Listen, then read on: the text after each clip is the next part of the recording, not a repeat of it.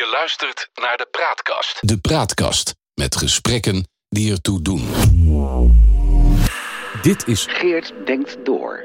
de periodieke politieke opinie op de Praatkast. De visie op politiek Den Haag volgens Geert Dales. Stem Victor Chevalier, tekst Geert Dales. Kunt u zich de uitzending van het televisieprogramma Op 1 van 23 februari 2022 nog herinneren? Daar zat beroepsouwehoer Maarten van Rossum, ongehinderd door welke kritische vraag van het presenterende duo dan ook, te klessenbessen over Rusland en Oekraïne. De conclusie dat er van een grootschalige militaire operatie, waarbij tienduizenden militairen betrokken zouden zijn, in ieder geval voorlopig geen sprake zou zijn betoogde de zelfverzekerde expert. Nadat hij eerst omstandig had uitgelegd dat als er al iets zou gebeuren, dit zich zou beperken tot een gebiedsuitbreiding in de twee reeds door Rusland geannexeerde provincies aan de Russisch-Oekraïnse grens. En zelfs dat was uitermate onwaarschijnlijk. Er is geen sprake van een invasie. Het is slechts de bevestiging van de bestaande situatie.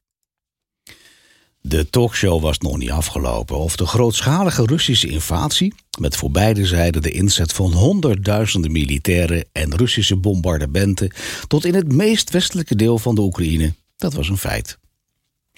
En denkt u dat Maarten van Rossum de volgende dag opnieuw werd geïnviteerd voor een stevig rondje nakaarten, waarna hij definitief naar de vuilnisbelt van onbetrouwbare kletsmajoors werd afgevoerd? Wel nee.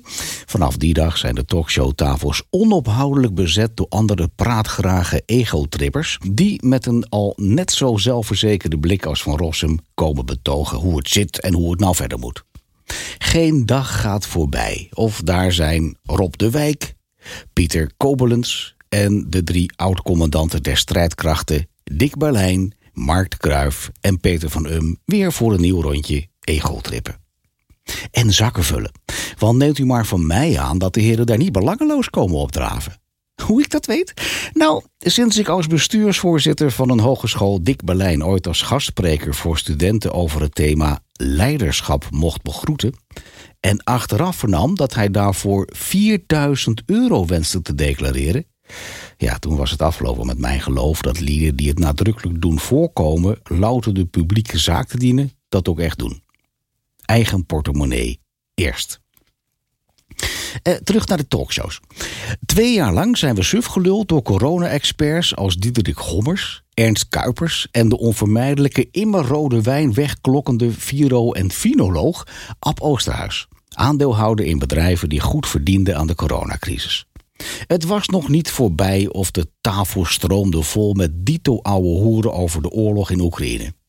Altijd dezelfde koppen, altijd dezelfde pretenties van ongeëvenaarde wijsheid en inzichten. En altijd met zelfverzekerdheid die vaak achteraf volkomen onterecht blijkt. En zelden zonder eigenbelang. Na afloop van de praatshow even langs de kassa. Je hoeft er geen linksig politiek correct zootje van te maken als een M... om wegens bedroevende kijkcijfers van de buis gehaald te worden. Het heeft even geduurd, maar we zijn inmiddels verlost van die dagelijkse LHBTIQ en aanverwante deugdpraatrubriek van de voor dat werk volstrekt incompetente Margriet Start de Show van der Linde. Een schamele 300.000 tot 500.000 kijkers wisten te trekken. Voor zo'n half lege zaal zijn de 40.000 euro die drie kwartier talkshow kost wel heel erg slecht besteed geld. Toch is incompetente gespreksleiding en vermoeiende deugpraat niet de reden voor de inzinking van het fenomeen talkshow.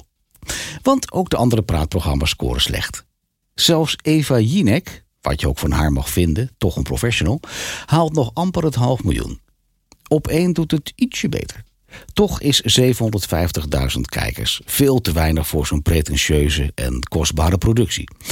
Om over de vers teruggekeerde Khalid en Sophie maar te zwijgen. Waarom dit duo, dat in het eerste seizoen al overtuigend had aangetoond niet in de wieg gelegd te zijn voor dit werk en dan ook nog bedroevend slechte kijkcijfers scoorde, in de reprise mocht, is mij een groot raadsel. Een schamele 300 tot hooguit 500.000 kijkers. Ook nu weer op dat uur.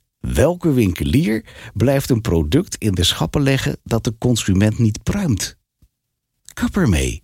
De tv-kijker is er kennelijk klaar mee. Want als je op primetime niet meer dan een paar honderdduizend kijkers weet te trekken, is er echt iets mis met de formule en moet de stekker eruit. Talkshows zijn lulshows geworden. Zinloos en irritant geleuter. Doneer die bespaarde 40.000 euro per uitzending aan Giro 555 ten behoeve van Oekraïne en kap er gewoon mee. Osterhaus, Koblenz, De Wijk en Berlijn vinden wel een andere schnabbel. Van Rossum kletst immers ook elders gewoon vrolijk verder. Was getekend, Geert Dales, 25 maart 2022. De Praatkast.